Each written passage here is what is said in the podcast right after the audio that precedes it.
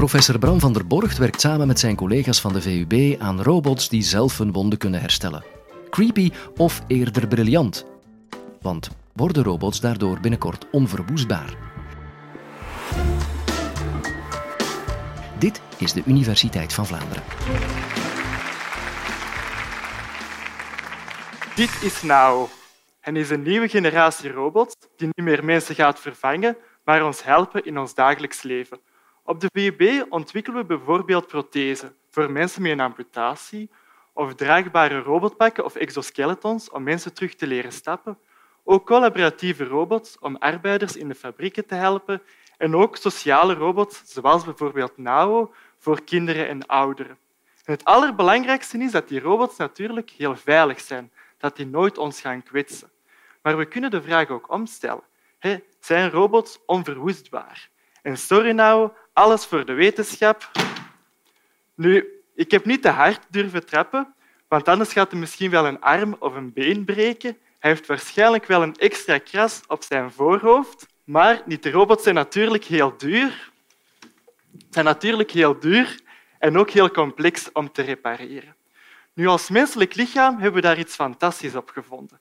We zijn in staat om ons menselijk lichaam te herstellen, om breuken en wonden te genezen. Zou het niet fantastisch zijn, moest NAO dat ook kunnen doen. Nu, zelfherstellende materialen zijn geen science fiction meer.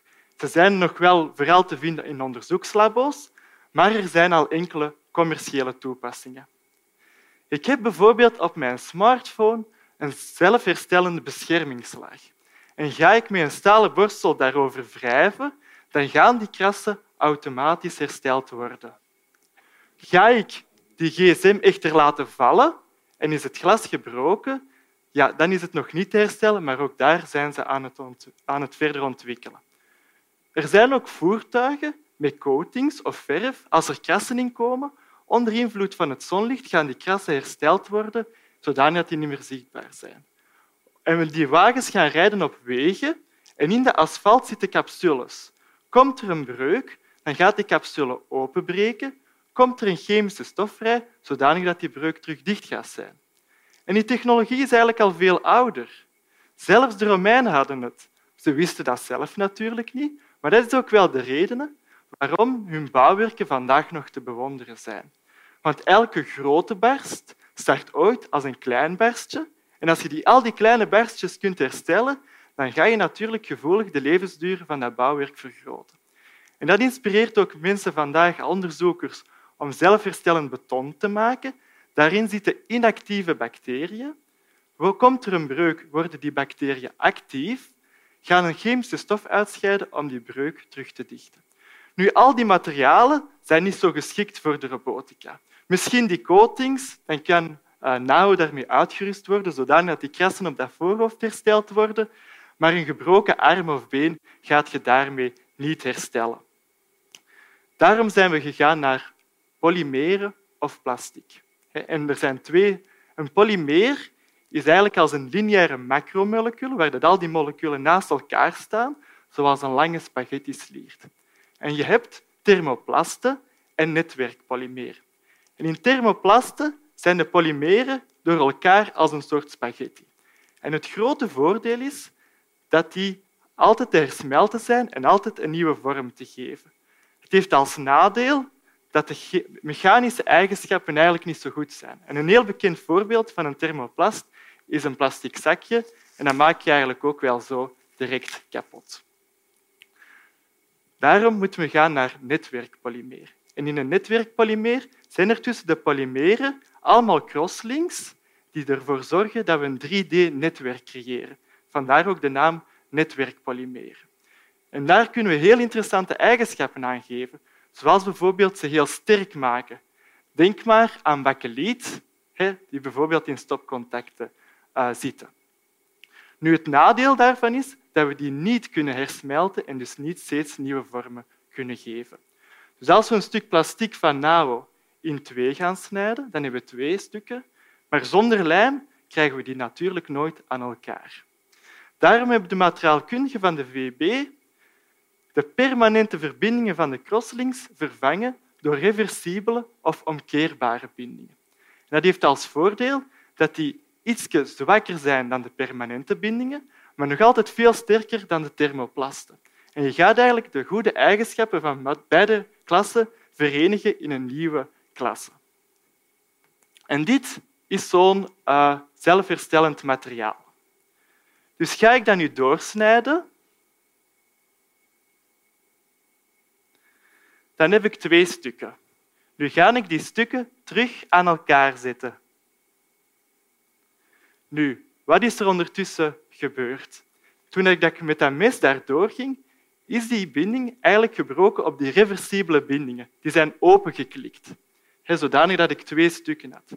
Ging ik die twee stukken terug aan elkaar zetten, dan konden die omkeerbare bindingen terug in elkaar klikken en ging het materiaal herstellen. Nu, wat is het probleem? Dat de binding van ene kant van die snede die heeft niet veel kans om een binding aan de andere kant te zien.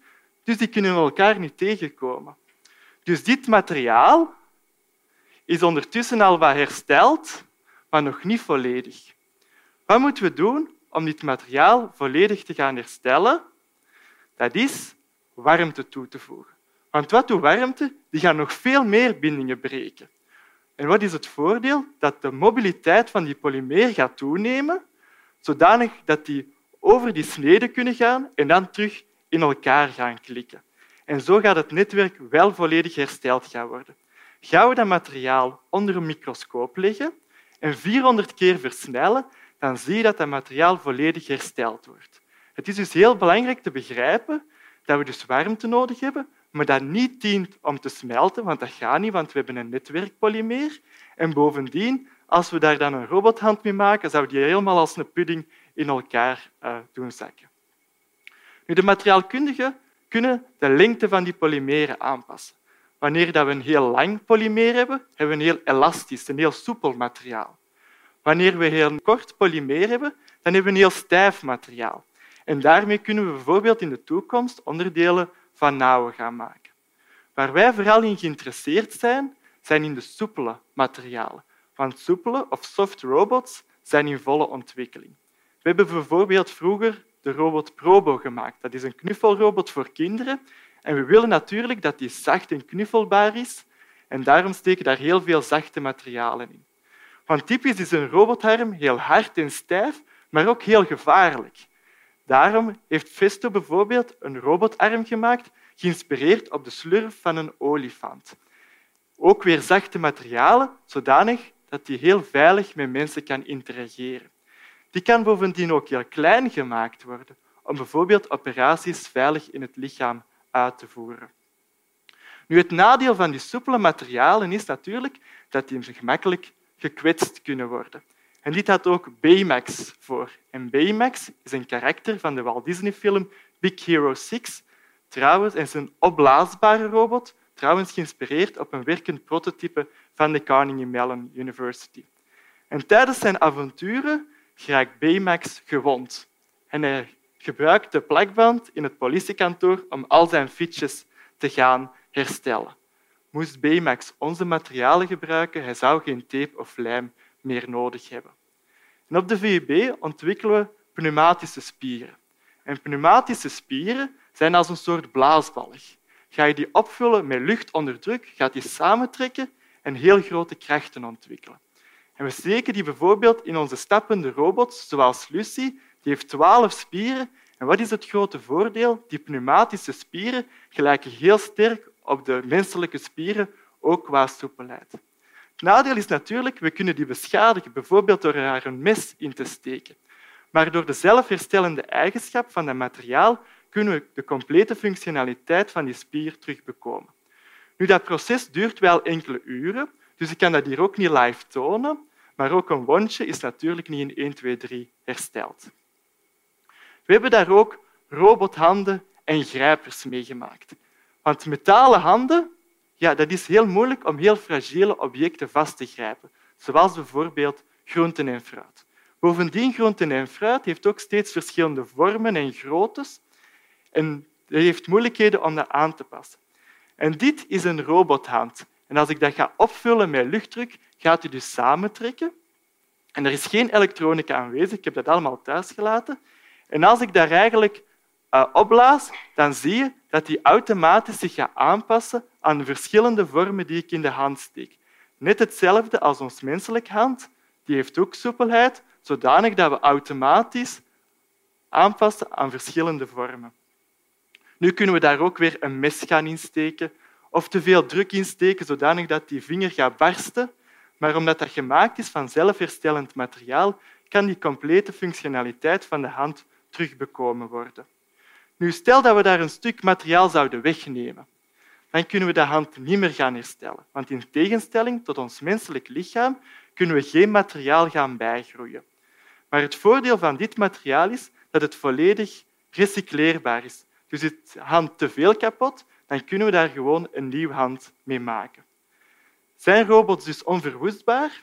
Ik denk dat robots vooral veilig moeten zijn en zelfs kwetsbaar. En in een multidisciplinair team van robotici en materiaalkundigen ontwikkelen we een nieuwe generatie robots die zichzelf kunnen herstellen, zodanig dat ze niet alleen lichter zullen zijn, maar ook meer duurzaam.